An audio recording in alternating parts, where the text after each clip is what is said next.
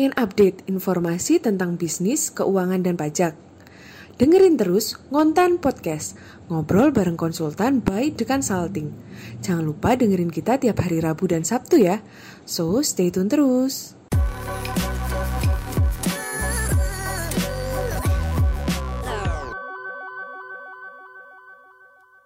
Uh, untuk kali ini kita akan bahas uh, tema pajak karyawan atau pegawai siapa sih yang bayar Oke, lanjut. Uh, jadi uh, ada pertanyaan biasanya dari teman-teman.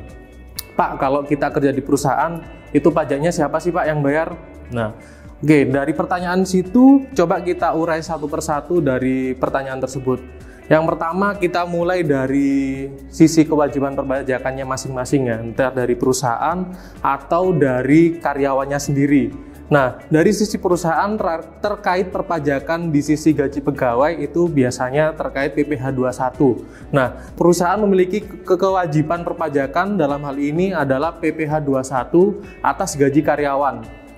Mulai dari dia menghitung, membayarkan sampai melaporkan.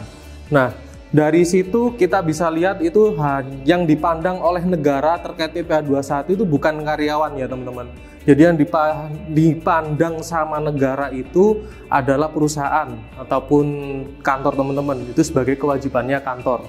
Oke, dan kewajiban selanjutnya di akhir masa pajak yaitu di bulan Desember, perusahaan wajib menghitung dan melaporkan ulang secara keseluruhan terkait gaji pegawai kepada negara.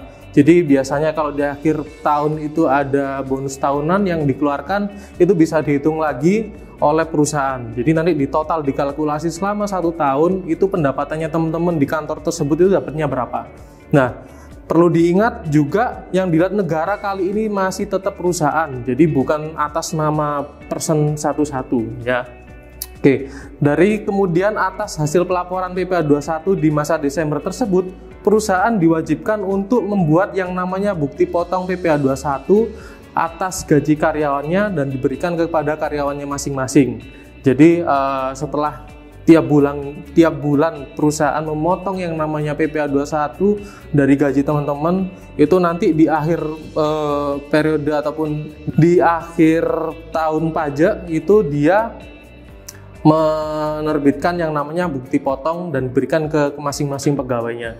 Di sini kewajiban perusahaan pada tahun tersebut uh, atas PPh 21 itu selesai. Oke. Nah, kewajiban pegawai kewajiban pegawai ini hanya cukup menerima kalau gajinya dipotong tiap bulannya. Jadi ya udah, biarin dipotong aja tiap bulan. Nanti toh kita dapat yang namanya bukti potong di akhir tahunnya. Nah, uh, bukan semerta-merta kita gaji itu dipotong sama perusahaan enggak. Jadi uh, kita hitungannya kayak kita nitip bayar pajak kita atas penghasilan kita selama berbulan-bulan itu di perusahaan dan disetorkan sama perusahaan ke negara. Nah, nanti pegawai ataupun karyawan kayak kita-kita ini e, bisa menyampaikan SPT tahunan pribadinya yang di dalamnya itu terlampir bukti potong dari perusahaan itu sendiri yang kemarin kita dapat oh pak kita dipotong per bulan sekian sekian sekian setahun total berapa kita dikasih yang namanya bukti potong dari bukti potong itu itu yang buat buat bahan kita ngelapor eh, SPT tahunan pribadinya kita. Jadi itu. Jadi untuk kesimpulannya dari hasil penjelasan tadi dapat disimpulkan kalau yang membayar pajak PPh 21 atas gaji pegawai itu perusahaan ya. Jadi uh, bukan masing-masing yang membayar pajak per bulannya. Tapi nanti di akhir tahun pajak kita dapat yang namanya bukti potong. Jadi kita sebagai karyawan tidak berkewajiban bayar tiap bulan eh, harus bayar pajak tiap bulan enggak. Tapi dengan catatan kita juga tidak mempunyai penghasilan dari sumber-sumber lain. Jadi cukup dari perusahaan itu, ya udah kita cuma kerjanya di situ. Kalau selain dari situ mungkin ada kewajiban pajak yang lainnya. Nah, nanti ketika menyampaikan SPT tahunan orang pribadi bisa dibayar, dilihat kembali uh, kita itu uh, masih ada kurang kurang bayar atau ya udah kita nggak ada pekerjaan selain kerja di kantor itu ya kita cukup dapat bukti potongnya aja. Jadi gitu ya. Oke sekian dari saya. Sampai jumpa lagi